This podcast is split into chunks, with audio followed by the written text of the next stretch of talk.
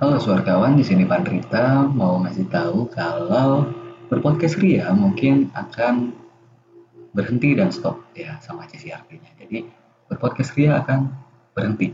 Kenapa berhenti? Apa mau vakum lagi? Perasaan baru uh, balik podcast lagi kemarin baru dua episode. Enggak. Jadi ada beberapa hal yang mengharuskan bukan mengharuskan sih ya ya pengen aja gitu berpodcast Ria stop tapi Suarkawa tetap bikin podcast gitu. Jadi ini episode bonus gua kasih buat lo semua yaitu anak sastra ditanya politik. Nah buat penjelasan kenapa berpodcast rianya Suarkawa stop ada di episode selanjutnya. Thank you. Bismillahirrahmanirrahim. Suar kawan ketemu lagi. Nggak ketemu sih. Selamat mendengarkan lagi. Episode 3 ya? episode iya benar Ya, ya. episode 3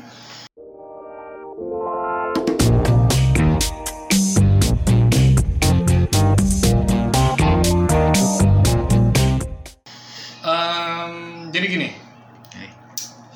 Di episode ini eh, kita bertiga gua Dika Anjul Gue Padrita bakal ngebahas hal yang ya mungkin kadang lo cuma lihat di buku Jadi atau di lisan orang.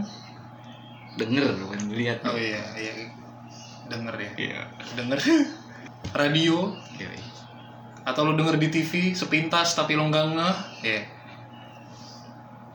Kita bakal bahas soal kesusastraan. Iya Literasi. Betul. Kalau kata Najwa Shihab salam literasi. Yo eh Eh tapi bau loh itu. Literasi. Kenapa? Bau. Bau. Bau udang. Terasi banget. Yes,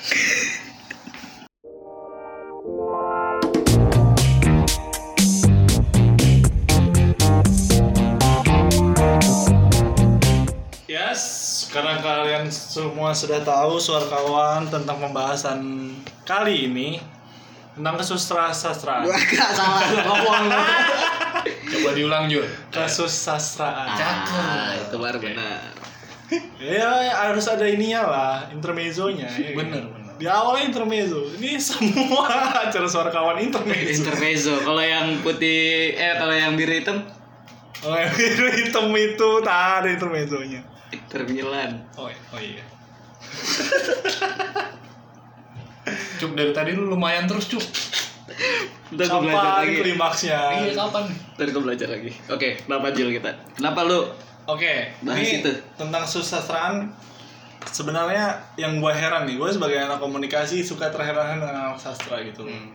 Karena kebiasaan gue yang emang apa eh, belajar tentang public speaking, kemudian ada juga nyenggol-nyenggol politik dan kemudian gue ketemu sama lu anak sastra berdua nih yang benar-benar nggak suka sama politik. Nah ini gue pengen tahu apa yang buat kalian sebagai anak sastra nggak suka sama politik.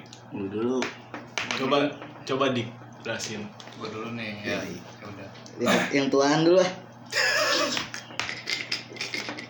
jangan ngomong umur lah Oke buat suara kawan yang belum tahu umur Dika silahkan Dika ayo. gua gua gua gua panjul gua gua dari 2017 angkatan 2017 kuliahnya. Sedangkan Dika angkatan berapa dik? kalau gua kuliah angkatan 2010 Cok beda 7 tahun artinya beda satu strata. Udah ya lumayan lah Jauh cuk. enggak lah nggak jauh lah Tapi kalau di, kalau dideketin nggak jauh. Tapi kampusnya nggak usah disebut kita ya. Eh, nggak usah lah. Nggak, nggak berprestasi juga. nggak nonjol juga ya. nggak usah. Ikhlas aja udah. Ikhlas ya hati. Desta Desta. Lanjut.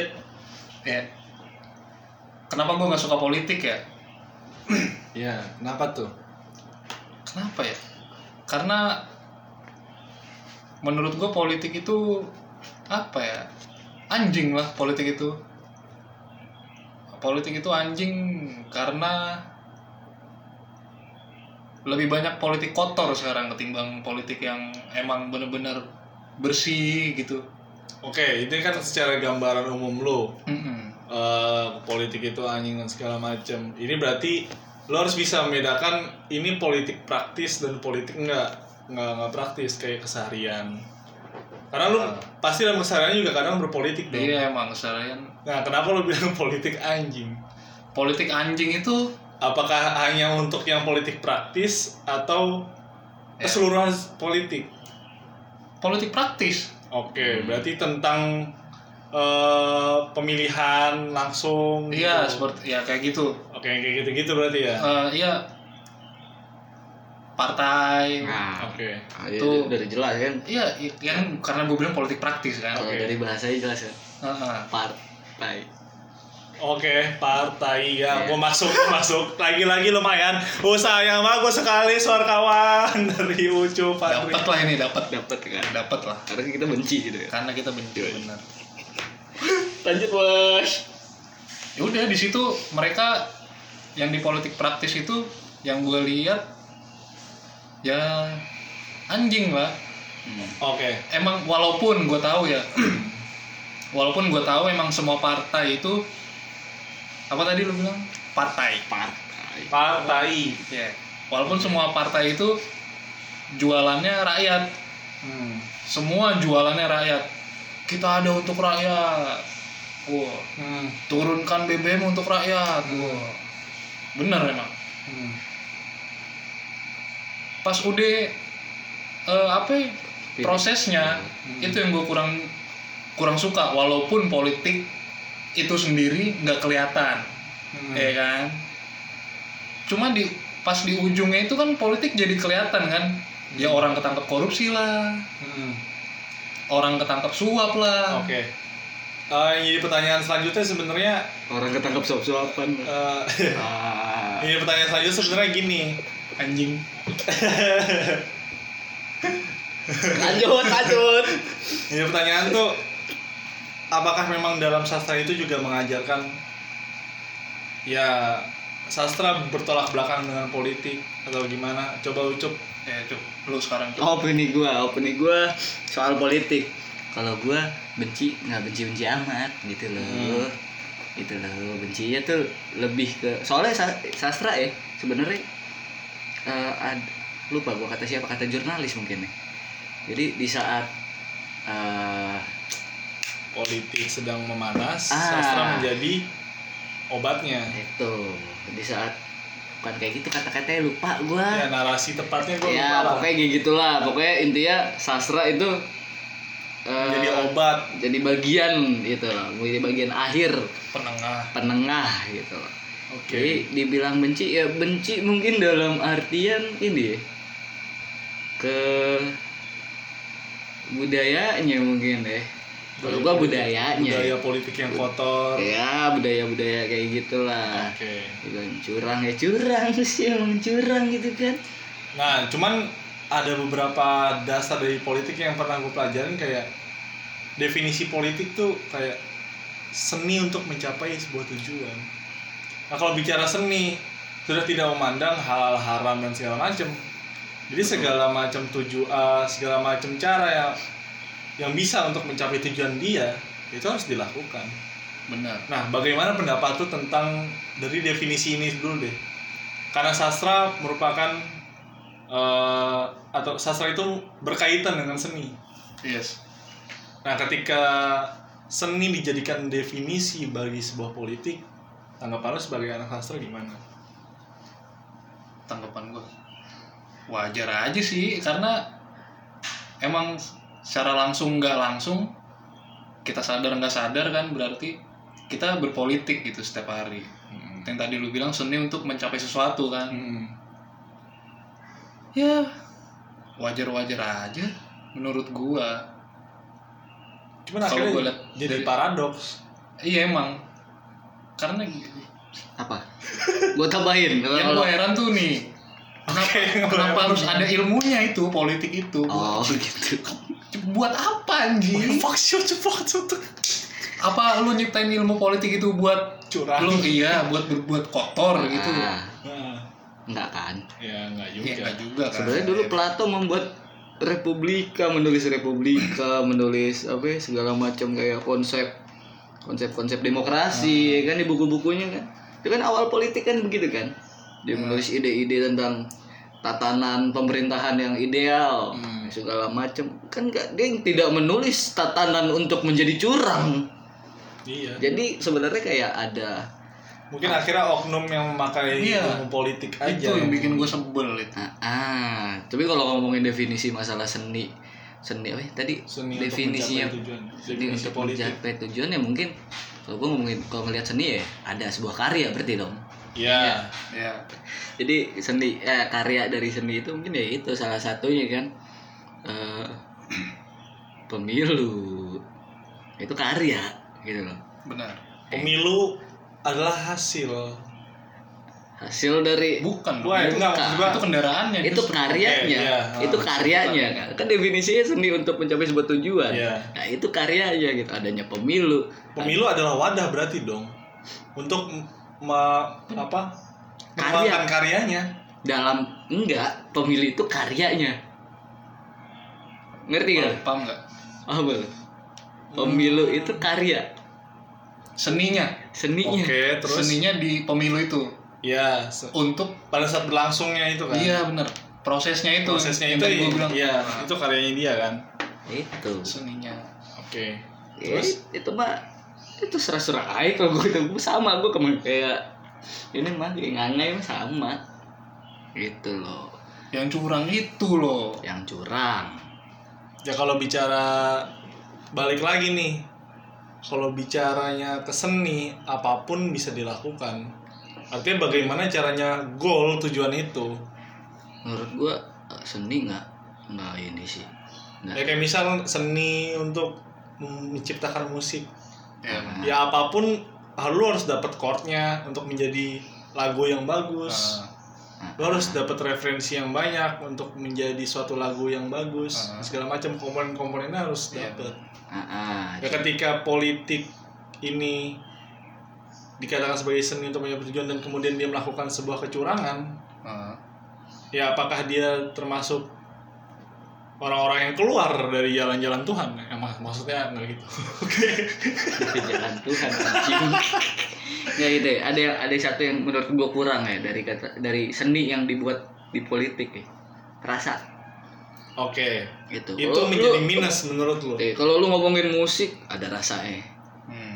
Ngomongin puisi ada rasanya lo ngomongin lukisan ada rasanya kenapa politik eh, pro- politik berani mendefinisikan dirinya sebagai seni? It's okay gitu nggak apa-apa. Ya. cuma ketika lu melihat karyanya apa lu merasakan sesuatu? Sedangkan kita Kita, merasa kita merasakan curangnya. curangnya kita merasakan. iya itu. Dan itu kan sebuah rasa yang monoton karena itu aja yang kita rasain sedangkan karya yang segudang itu banyak dari lagu lukisan puisi novel. Itu karyanya nggak nggak melulu tentang curang ya kan? Hmm. itu Ah, akhirnya kemudian gue berpikir seperti ini ketika memang kita bicara berat sekali ya episode ini ya. Ya. nggak nggak nggak suka dengan politik praktis. Ya, kemudian kita membenci gitu loh adanya kecurangan-kecurangan yang dilakukan oleh para politisi Lah, terus kita bagaimana cara mengubahnya? Kalau kita nggak masuk ke dalam politik itu. Nah, di situlah. Nah, maksudnya ini gue minta pandangan orang sastra. Apakah orang sastra punya terobosan?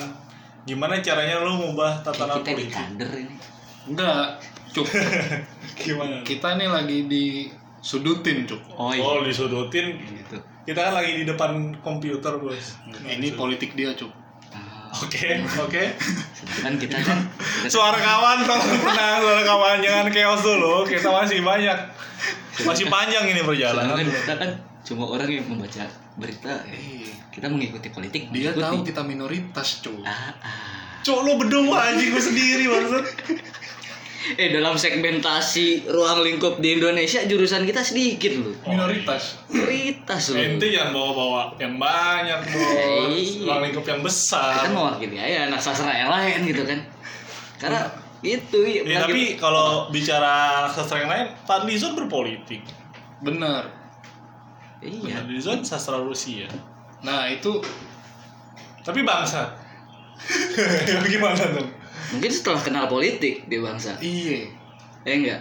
mungkin Karena itu balik lagi seni politik lu ngomongin seni, ya kan? Ada rasa. Ah. Coba kita tahu ya, ya rasa negatif aja kita dapat deh. kayak lu satu orang jujur di seribu orang brengsek itu orang jujur bakal kelihatan jujur nggak tuh Ih, jadi tahi. ya jadi ampas kan jadi ampas kering dia. Mendingan dia join jadi sama-sama brengsek. iya mending Eh enggak? mending gue cari aman gue muka dua atau apa selesai perkara lah itu gitu Oke. Iya, boy. kalau apa tadi lu bilang eh, ngelakuin terobosan apa gitu buat Maksudnya iya anak sastra ini kalau gua nggak bicara anak sastra secara keseluruhan deh. Ya. Karena takut lu berdua kalau merepresentasikan mereka jadi buyar, Bos. takut deh. Ah. Ya lu berdua deh menurut- sebagai anak sastra gitu loh. Terobosan di dunia politik sebagai anak sastra. kalau Dari anak sastra punya terobosan bagaimana caranya Ah, untuk mengubah pola politik di Indonesia agar lebih baik. sekarang gini ya, boy. Oke, Boy. Sastra ya nggak pernah dilihat. Oke. Iya. Iya nggak? Meringis kita, Pak, mendengarnya. Eh enggak, sastra itu udah nasibnya turun di bawah, boy. Sekarang tuh nasib orang-orang sastra tidak dihargai. walaupun udah ada duta literasi lo Siapa itu? Najwa Shihab Ah, iya betul. Salam literasi. salam literasi Banana salam literasi. banana kalau denger Iya. kalau enggak nggak apa-apa Apa sih? Kita baru juga. Jadi ya gitu. Eh, apa ya? Nasib kita sendiri ya udah udah terlalu di bawah gitu. Lu mau ngomongin lu mau ngomongin anak sastra yang punya terobosan ya kadang dia mungkin deh kalau gua melihat ya memperbaiki nasib sendiri. Ah, apakah juga kayak gini loh? Apakah sastra karena memang sudah tahu ah politik praktis juga hanya seperti ini dan akhirnya enggan untuk memperbaiki ya udah malah biarin aja. Mungkin ada sebagian kayak gitu. kalau gue pribadi ya gue udah biarin aja lah Biarin aja. karena itu tadi satu orang bener lo di lingkungan yang nggak bener mau jadi apa orang bener itu Iya. kalau lo nggak ikut Nggak bener. iya kalau lo nggak ikutan gitu Dengan cari yang sama-sama orang bener. iya Iya. kayak Taufik Hidayat tuh Hmm. itu dia ceri- dia cerita di podcast itu kan Podcast yang five four three two one close the door. cepat Itu. sekali Satu juta rupiah. dia cerita di situ kalau dia tuh cuma nganterin duit. Dia nggak tahu itu duit siapa Oke. kegunaannya untuk apa jumlahnya berapa Oke. dia nggak tahu. Dia cuma disuruh nih bahasa gua ya bahasa gua. Pik anterin nih duit ke si A. Kok mesti gua? Kan ada lu. Ya lu lah lu kan yang deket. Terus di situ Taufik Hidayat cuma mikir oh udahlah gitu. Ya oke oke aja Ya, masuk akal. lah. iya masuk akal lah karena gua karena karena gue yang paling deket karena gue deket nih sama dia gitu. Ya udah dia kasih tuh. Eh setelahnya kena kasus. Nah di situ kan dia berarti bagian dari politik kotor. Ya, dia Gitu. di merasa di peralat secara nggak langsung secara nggak langsung. dia jadi bagian dari politik kotor tersebut. Makanya itu gue lah Oke. gitu Kita, kita terlalu perasa bos. Itu. ih gimana ya Ya, itu emang kita belajarin begitu. kalau dibilang bucin bucin emang emang bucin. bangsa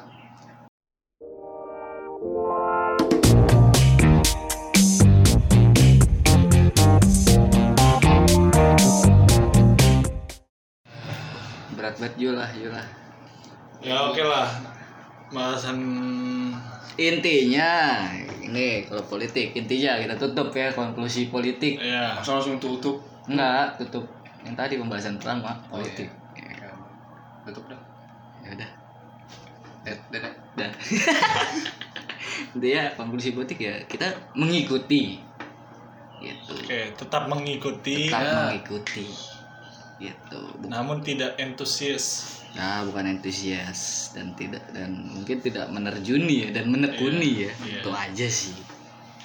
Oke. sebenarnya yang gue pengen tanya-tanya lebih lanjut ini yang gue kepo sebenarnya tongkrongan sastra tuh gimana sih kayak misalnya kalau nongkrong tuh lu bahas apaan sih anjing biasa yang lu tahu yang lu apa? tahu yang lu tahu apa yang ya kalau ada di otak lu. gua nih ah, sastra kalau lagi nongkrong satu sama lain ngomongnya pakai puisi bos Woi, anjing saudaraku Ucup. zaman zaman Macbeth Apakah Wahai. kamu sudah menyisir rambutmu hari ini? belum wahai Sandika Repot Jul. repot ya Iya. Anjing. lah. iya ya kan barangkali gitu atau kan datang-datang udah pakai chat sana sini Oh. mukanya udah dicet segala macem datang gerak-gerak kayak pantonim. Aduh. Pantomim. Pantomim. iya oke meme. Ketemu mbak. Apa jadi? Ayo ayo. Anjing gua belajar tuh waktu TK tuh mim ketemu mbak. Ayo. Mim mim ketemu mbak ketemu ro mimbar Dibaca panjang gak tuh? dibaca panjang nggak? Berapa rokat nah gimana tuh biasanya tongkrongannya? Anjing nggak dijawab itu nanya bangsa ya aroman mah gak usah dipentingin bos ah apa tadi oh tongkrongan Iya, nongkrong. Lu ya. kalau nongkrong biasanya bahas apa sih kepo gua lu bang Apa ya?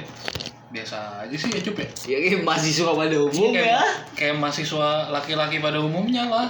Ngomongin perempuan. oke Biasa. tapi ada hal-hal yang menarik nggak sih dalam dunia persastrawaan sastrawaan gitu Kesusastraan. kesusastraan Oke. Paling pembahasan jadi menarik karena untuk yang oke untuk emang sama emang iya satu frekuensi, frekuensi. gitu Heeh. misal eh, lagi ngobrolin apa nih ceng-cengan rasis-rasis bahagia gitu Hmm. temen lu ada yang Cina terus lu ceng-ceng ah Cina bego lu Hmm. citol citol gitu Citol tuh Cina tol apa Cina kon Cina- konto tolol tolol oh tol tolol. oke ya lebih lebih kayak gitu sih. Lagi kayak gitu terus di sela-sela ya kan pasti ada selanya kan tuh ada diemnya gitu. Habis itu ada yang ngebahas lu lihat deh orang ini? Goblok banget masa makan ini sendirian nggak bagi-bagi gini, gini. oh iya tuh ntar digini sambung-sambung kayak gitu. Terus tahu-tahu ke sastranya gitu itu ada kadang yang- ada aja yang kayak gitu. Tapi itu biasanya jarang terjadi sih. Soalnya kalau itu terjadi itu pasti tongkrongan nongkrongnya lama dan pasti nginep itu. Bener. Karena itu seru banget. Seru banget. Jadi ketika sudah ada satu yang mancing buat ma- bahas sastra. Itu pasti udah panjang banget. Ya. Jauh-jauh terus. Nyambungnya bisa ke mana-mana tuh. Iya. Ke agama nomor satu. Agama nomor satu bener. Sastra berarti punya keterkaitan? Semua. Semua. Semua aspek sastra ada. Sastra ada. Iya. Duit ada. Ya kan duit ada duit ada tapi kenapa anak sastra selalu mengeluh tentang duit? Karena kita tidak dihargai itu aja. Oke. Mm-mm. itu simpel ah. Padahal kadang tuh sebenarnya tujuan sastrawan tuh menyadarkan. Menyadarkan. Ini loh. Nah, ya kan? Dan menyadarkan itu kan butuh yang namanya show off. Benar nggak sih? nah pas ada orang yang emang apa basicnya sastra nih backgroundnya dia sastra terus dia pengen show off hmm? sama teman-temannya aja nih itu langsung dipandang sinis gitu, Gitu. kecuali emang sama-sama satu frekuensi iya eh, kayak ya ngapain sih lu bikin bikin kayak gitu udahlah Iya. Kalau- kalau oh maju. berarti masih ada kendala-kendala seperti itu yang tidak support secara akan nggak langsung nggak support dia pasti ada banyak banyak nggak sedikit itu kayaknya juga dialami beberapa orang di jurusan-jurusan lain ya kayaknya kalau jika ingin melakukan hal-hal yang kayak gitu yang positif? Mungkin mungkin ya bisa jadi. Cuma karena kita bisa ke mana-mana gitu kan. Hmm. kita bisa mengkritisi apa pun ya kan? Dari segi ekonomi sastra masuk bikin puisi kritik-kritik ya kan? Kritik-kritik BBM harga lah segala macam ya kan? Mm-mm. oke. Masuk lagi ke komunikasi. Komunikasi banyak luas banget kan komunikasi itu. Hmm. Ya kan? Gimana cara berkomunikasi dengan Tuhan berkomunikasi dengan kekasih ya kan? Itu kan hal-hal kayak gitu cuma sastra doang yang mikirin begitu. Oke. Eh kalau menurut gue gitu. Tapi ada hal-hal sastra maksudnya dalam pelajaran-pelajaran sastra yang lu sebenarnya kurang suka gitu? Ada gue linguistik. Gua apa ya? grammar grammar. Kalau kita kan bahasa Inggris. Oh iya ini suara kawan ini berdua adalah satu lulusan satu, satu belum lulusan. Hampir. Hampir yang yang satu udah lulus yang satu hampir lulus. Ingin ingin. Oh ya kayak ingin. Ingin. Ingin lulus. Iya, sastra Inggris. lah. di satu universitas ternama. Nggak usah lah. Yang Ternama emang Ternama. cuy. Oke. lama benar. Bener. tapi isinya tak ada. Ya nggak nggak ada prestasi nggak ada. Bahkan tidak dilirik prestasi pun. Aduh. Prestasi hanya anak kesa- Ada. anak kesayangan mama Iya sih benar. ya kan anak kesayangan mama kan lagi-lagi gitu ada bahasa-bahasa yang eh, anak sastra bisa buat gitu anak kesayangan mama Gitu kan. Coba bayangin dunia dunia ini nggak ada sastra. nggak bisa lo ngecengin orang cuma tersirat Bahkan mungkin politik itu nggak bakal ada. Kalau tidak ada sarkasem gitu ya Iya, ada bakal ada kalau iya coba ya kan? Dan nggak ada paham-paham kayak feminisme Mm-mm. oke Karena kita belajar rasa bos Kalau nggak ada sastra nih, revolusi nggak bakal ada tuh. Revolusi Peran- Perancis apalagi tuh hmm. nggak bakal ada nggak bakal ada tuh kalau sastra nggak ada. tapi eh, kendala anak sastra untuk kemudian menggeluti profesi di Indonesia apa? Dalam artian gini, otomatis lulusan sastra butuh kerjaan dong, Ya betul betul butuh cuan dong. betul. Larinya ke mana? ke lapangan Emang lagi gempa bos. Aduh. Pecahkan saja gelasnya biar Biar ramai. Piring, gelas, jangan eh piring, mangkok jangan. Itu punya ibu. Tahu nggak? tahu ya nggak tahu. Tahu. Lucu banget itu Jul anjing. Apaan itu? Itu lagu anjing. Diambil dari itu, inspi- terinspirasi dari ADC itu. padahal pengen gue seriusin tuh jangan. Itu punya ibu. Tai banget ya. Kreatif banget. dan rata-rata orang sastra itu orang-orang resah Iya. itu kebanyakan orang resah Berarti orang-orang yang pernah mengalami kekecewaan atau orang-orang yang merasakan ketidakadilan. melihat merasakan bisa jadi tuh ada ada banyak faktor nggak mesti dirinya sendiri gitu Mm-mm. nggak mesti gua merasakan kecewa gua melihat lu kecewa pun bisa jadi karya sastra gitu gua melihat lu menangis gua bisa jadi karya sastra gitu ya Bro? Tapi sejauh ini lu pernah lihat nggak ada satu lembaga atau satu ins- institusi yang akhirnya mencoba untuk mengkomersialisasi sastra ya? banyak sekarang Apa? penerbit Penerbit. penerbit buku Itu udah dari dulu. dari dulu Oh itu sudah menjadi makanan buat penerbit ya berarti? Iya dan sayangnya itu balik lagi tidak dihargainya sastra ya dari situ penerbit pun merasakan itu walaupun mereka berjuangnya di dunia bisnis ya Hmm. penerbit merasakan hal itu loh merasakan pahitnya nggak dihargai sebagai eh, apa ya pempublish karya-karya sastra ataupun karya-karya tulis lainnya Publisher. publisher ya, mereka merasakan juga karena ya balik lagi kan kalau lu ngomongin data ya kan ya Indonesia masuk di nomor dua terakhir Soal sastra. soal, Soal literasi. soal, literasi di dunia bayangin dunia sedih banget gak boy Itu sedih sih. Ya. Dan harusnya kita bisa berkaca gitu sama negara tetangga minimal atau kalau misalkan kita mau lihat data lebih konkret lagi Kuba itu 99% bos. Apaan 90% tingkat Tanah. literasinya. Oh. Tinggi sekali artinya minat baca di sana dan untuk Benar. tingkat literasinya memang tinggi Kuba. Nah itu itu yang membuat sastra merasa tidak dihargai ya di situ. Itu loh. Faktor utama. Pembajakan buku pertama mungkin ya kalau ngomongin publisher ya Hmm. pembajakan buku. Kalau ngomongin royalti royalti kan ya semua kan dapetnya penulis dari eh, publisher. Iya. Ya kan? Nggak mungkin dari Kober Depok kan nggak mungkin. Oke. Dari Kuitang kan nggak mungkin gitu-gitu kan. Walaupun sebenarnya sebenarnya sastrawan kan gara- nah itu balik lagi sastrawan gara-gara yang yang punya cita-cita dari sastrawan misalkan. Dia kan dengan otomatis kan harus memperbanyak referensi bacaan. Hmm. sedangkan untuk bekerja sulit. Iya. eh enggak dia mau kerja apa? Gitu. Ya udah otomatis dia kayak menelan ludah sendiri gitu loh. Oke. ujung-ujungnya ya udah karena gua gak punya duit yuk kober cari referensi bacaan yang murah. Dan di satu sisi secara tidak langsung ya tidak menghargai sastrawan lainnya gitu penulis betul. lainnya ya enggak bos. Hmm. Kemudian sastra juga sempat diluh-luhkan oleh Bapak Presiden kita bahwa kayak misal di contoh Oke, kecil Universitas Jos Bus Eh, bukan, Oh, bukan. presiden kita bukan George Bush cuy. Obama. Oh, bukan. oh bukan Fidel Castro Jokowi, oh Pak Jokowi. Ini dia mengeluhkan bahwa nih sastrawan kita nih kurang karena kenapa kok jurusan-jurusan sastra ini tidak per- tidak banyak mencetak sastrawan tapi lebih banyak mencetak ahli bahasa. Karena yang ada duitnya di itu Ahli bahasa. Ahli bahasa. Oke, oke. Lebih menghasilkan cuan lebih masukkan cuan ketimbang sastra. Lu lihat deh sastrawan. Lu paling tahu oh oh dia sastrawan. Kayak bisa kayak J- Joko apa Sapadi Jo- Joko Darmono ya. ya Damono ya Sapari Joko kenapa dia Heeh. Dia sastrawan juga. ya? sastrawan Nah, lu tahu dia sastrawan dari mana? Puisinya. Enggak, bukan maksud gua. Oke.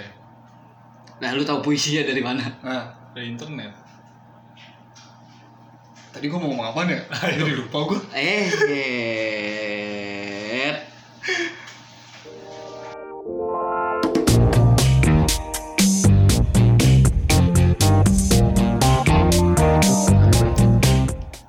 tadi yang lu lupa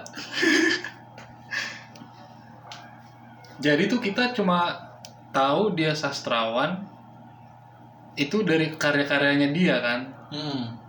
yang emang udah publik udah tahu gitu. Hmm. Ya gitu, jadi lu bakal bisa ya gimana ya coba ya bahasanya ya?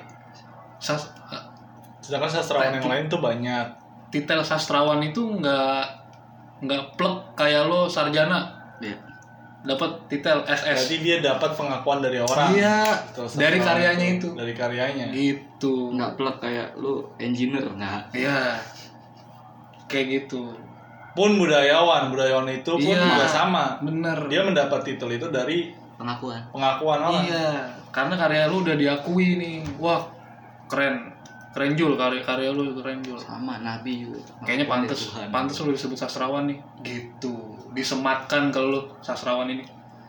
disematkan Berarti Iya. tidak ada legitimasi atau dari lembaga khusus Resmi ini nggak ada. sastrawan. ada sertifikasi sastrawan tuh nggak ada ada. yang ada sertifikasi dosen guru Juara satu lomba paling gambar. gitu gambaran. Lomba gambaran. lomba puisi pun sertifikasi ditulisnya penulis puisi bukan sastrawan Hmm. Tapi kalau ditarik ke akar sastrawan itu artinya apa?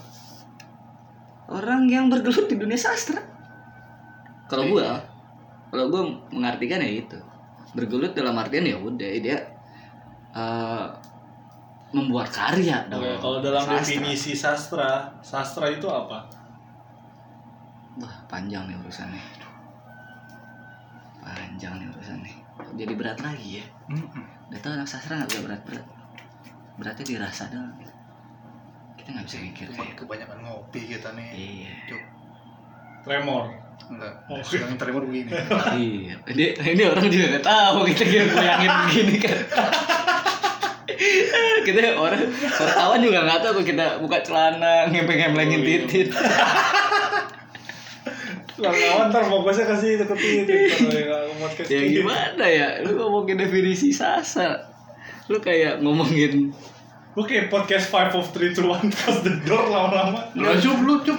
ya lu, Lu lu ngomong cup. definisi sastra lu ngomongin definisi sastra kayak nanya apa itu Tuhan dulu Oke, Iya. kalau Kayak misalkan gitu. intro, kalau gue sebagai anak komunikasi coba nah ini deh ini deh yang yang tidak yang sering apa ya bisa apa ya namanya ya yang beda aja budaya anak sastra sama anak jurusan lain lah.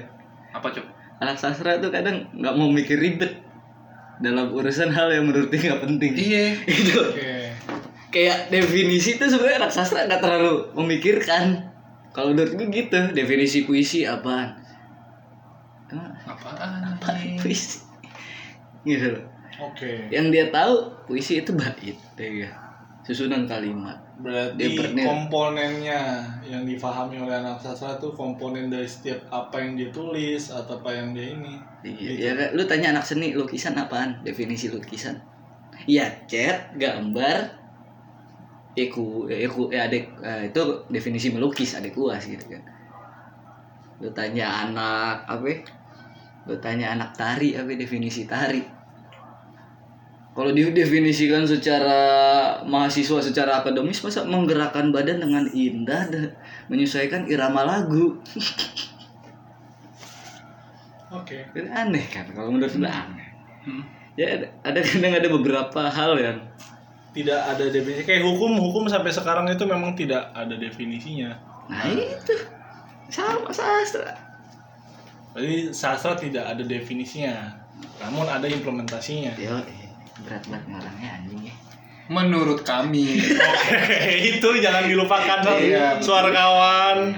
Menurut kami ya kan sebagai anak sastra dan cari aman ya. dan cari apa? Karena kalau lu ketemu anak sastra lain mungkin opininya Oh beda, iya, beda lagi, lagi. beda lagi. Ada mungkin ada yang punya penjelasan akademis masalah sastra itu apa? Gitu. Mungkin ada. Gue kan mungkin ya gue terjun, gue menulis gitu. Hmm. ya gue nulis ya sekedar nulis gue tahu nih cerpen apaan gitu cerita pendek. Bedanya apa sama novel? Udah gue paling cari tahu gitunya doang. Hmm, Oke. puisi apa? Bedanya sama cerpen apa? Oh gitu aja. Naskah tuh apa? Bedanya sama novel sama cerpen tuh apa? Itu Oke, ini ini penutup nih, pertanyaan terakhir. apa tuh? Apa sih karya-karya yang udah lu buat sebagai anak sastrawan? Jauh dimulai dari Ucup. jangan. Jangan coba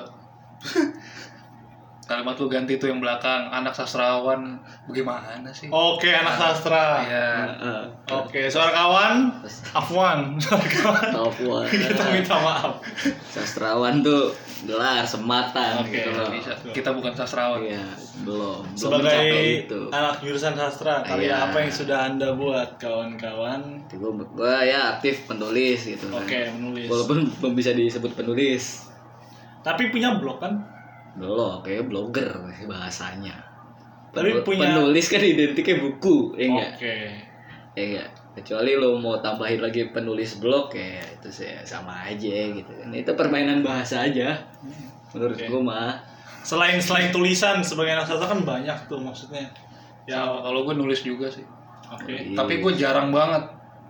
Gue tuh nulis kalau ada yang lucu sama kalau ada apa? Ada twist gitu, ada Hmm. Hal-hal yang menarik. iya menarik bisa ada twistnya gitu. Itu baru pasti gue jadiin tulisan gitu. Oke. Entah di IG story gue, Hmm. status WhatsApp gue, gitu. Gue tulis. Sebenarnya deh, lukisan juga bisa sih. Ya, ya lu bagi lu membuat lukisan karya sastra. Karya sastra. Walaupun Lu lu ngerangkai kata lu sendiri, kata-kata lu nih. Hmm. Lu pengen apa ya? Gue, aduh gue lagi Gundang gulana. Iya gunda gulana nih. Gua pastikan tuh lu nulis kata tuh lu kerangkai kata-kata lu terus lu post itu karya lu. Karya. Itu karya sastra lu gitu karya sastra lu. Diakui sebagai sastrawan oh, mestinya urusan belakangan. Urusan kalau itu. belakangan Terima kasih kawan-kawan sudah membagi cerita-ceritanya. sama-sama sama-sama Oke, kepada suara kawan silakan Bang Dika tutup. oke kalau gitu. Enggak, ini penyiar paling nggak konsisten. Yang buka Bang Dika. Yang nanya-nanya gua. Dan itu Bang Dika. masalahnya episode berat banget loh berat parah parah loh asli mau nutupnya juga gak usah berat-berat. Lah nggak usah berat-berat ya. Segitu aja ya suara, pesan suara. ini pesan-pesan anak sastra. Oh iya gue Iya, lupa. kita kan harus pesan pesan-pesan dari anak-anak bukan anak-anak ya. Iya. dari gua sama Ucup iya iya. yang notabene adalah anak sastra. Iya, iya. dan rangkai kata lagi ribet ya. Kayak bangga banget jadi anak sastra ya. Gak apa-apa, bangga produk lokal loh. Lokal pride. lokal pride Anjing. sastra lo kayak nama baju. Gue bikin baju sastra ya, anjing. Pesan-pesan kami jangan Hmm. telan omongan kami mentah-mentah. iya betul. Suara kawan, yo iya kami mohon itu ya. Ditelaah lagi, lebih dalam lagi, pelajari lagi pelajari lagi Ini intonasinya kayak dosen mas. sumber-sumbernya yang yang lu sih nggak buka berat sumber-sumbernya tuh yang apa ya yang benar-benar kompeten lah gitu. Yoi, kredibel Udah, udah nggak usah ditelan mentah-mentah lah. Nggak, Iya. nggak penting banget lah Sumpah. ditelan mentah-mentah itu. Lagi juga mana ada orang makan makanan mentah? Kayak Nggak ada- ada. Nggak ada, harus diolah dulu. Harus diolah dulu gitu baru lo kayak makan. kayak ada budaya Jawa gini kayak eh di suatu kayak apa ya gimana ya ngomongnya jadi apa yang kita omongin itu sebenarnya sampah Iya betul. gitu loh apa yang kita omongin itu sebenarnya sampah jadi eh tergantung interpretasi kalian masing-masing gitu aja Iya. Sama eh, apa? Lu ngelihat omongan kita tuh dari segi apa gitu. Mm-mm. jadi ya menurutku gitu aja ya kita yang ngomongin sama ya udah lupain kita ya melupakan itu gitu loh Oke, nah ini oh ini pesan khusus yang buat bocah-bocah nanggung. Oke, mau coba nanggung anjing tagline orang goblok bocah-bocah nanggung jangan sampai kalian tagline telan orang gitu pakai mentah-mentah. ya. Oke, suara kawan. Dadah. Bye.